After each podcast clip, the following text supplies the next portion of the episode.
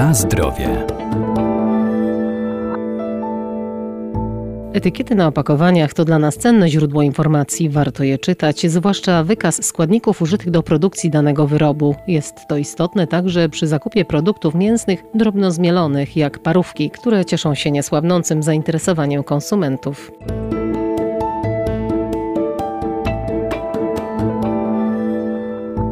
Powszechna dostępność dodatków do żywności sprawiła, że producenci coraz chętniej dodają je do swoich wyrobów. W ten sposób obniżają koszty produkcji, poprawiają ich smak czy wygląd, a także tuszują ubytki powstające w procesie technologicznym. Dlatego przy zakupie parówek obok upodobań smakowych warto poznać recepturę surowca w składzie. Zwykle za zbyt niską ceną kryje się gorsza jakość. Najważniejsze są informacje na etykiecie produktu. Każdy konsument powinien się z tym obowiązkowo zapoznawać. Jeśli produkt jest na wagę, Zawsze możemy poprosić ekspedientkę o przedstawienie takiej etykiety, abyśmy mogli się zapoznać z recepturą, ze składem surowcowym. Doktor habilitowany inżynier Dariusz Stasiak, Wydział Nauk o Żywności i Biotechnologii Uniwersytetu Przyrodniczego w Lublinie. Powiem tak, im krótsza lista dodatków, tym lepiej, zwłaszcza jeśli jest mniej stabilizatorów albo w ogóle stabilizatory nie występują, podobnie jak wzmacniacze smaku. Innym kryterium jakości może być cena za kilogram. Trzeba liczyć się z faktem, że parówki ze swej natury są nietrwałe, a jeśli producent deklaruje dłuższy okres, to przeważnie dzięki dodatkom chemicznym, które obecne w parówce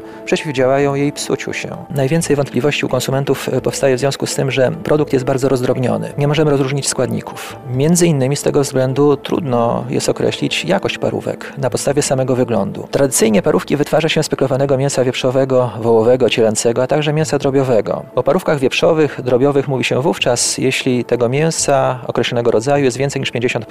Mięso na parówki na pewno nie może być chude. Parówka bez tłuszczu będzie sucha i niesmaczna. Kilka słów wyjaśnienia w związku z peklowaniem mięsa. Ten proces budzi zwykle szereg kontrowersji z tego względu, że stosujemy tam specyficzny związek chemiczny, jakim jest nitryt. Peklowanie jest nieuniknione. Wpływa korzystnie na smakowitość parówek, ich wygląd, a przede wszystkim służy bezpieczeństwu zdrowotnemu konsumentów. Peklowanie po prostu zabija bakterie beztlenowe, które stanowią bardzo poważne zagrożenie dla naszego zdrowia. Jakkolwiek nitryt uznawany jest za szkodliwy, to ilości dodawane do parówek są ściśle kontrolowane i nie stanowią zagrożenia zdrowotnego, a wręcz przeciwnie, peklowanie służy ochronie naszego zdrowia. Poza tym producenci nie mogą pozwolić sobie na zepsucie kilku ton wyrobów, stąd potrzeba skutecznej konserwacji chemicznej.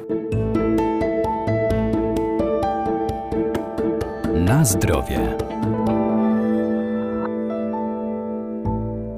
Na pierwszym miejscu w wykazie składników na etykiecie musi być ten, którego w wyrobie jest najwięcej. Przede wszystkim należy wystrzegać się momu i mdomu. Mięso odkostnione mechanicznie, czyli w skrócie MOM. Mdom jest to mięso drobiowo odkostnione mechanicznie. Do jego produkcji wykorzystuje się resztki pozostałe na kościach po wykrawaniu mięsa. Takie kości miażdży się, wyciskając resztki mięsa przez sito i z tego względu MOM jest bardzo nietrwały, łatwo ulega zepsuciu, a co jest istotne, z definicji wcale nie jest mięsem. Dlatego producenci zawsze muszą wykazywać stosowanie domu albo momu w recepturze. Jest to generalnie bardzo tani surowiec, z tego względu chętnie stosowany. Dlatego możliwe jest wyprodukowanie parówek w cenie nawet kilku złotych za kilogram. W niektórych sklepach można znaleźć parówki bezmięsne, składające się na przykład z kilkudziesięciu procent momu, 20% emulsji i przykład 10% tłuszczu. Warto również wiedzieć, jak przyrządzać parówki. Parówki nie znoszą gotowania. W procesie technologicznym parówki są e, obrabiane cieplnie, ale nie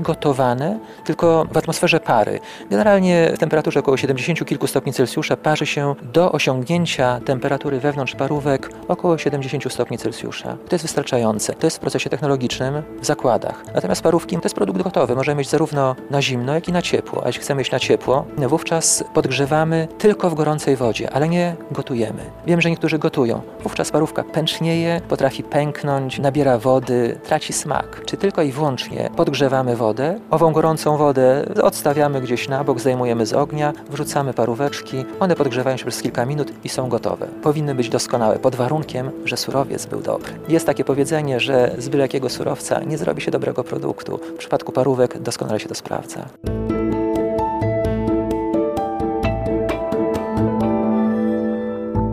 I pamiętajmy, że jeżeli żywność okaże się nieświeża lub niezgodna z tym, co deklaruje na opakowaniu producent, zawsze przysługuje nam prawo do reklamacji. Składamy ją u sprzedawcy.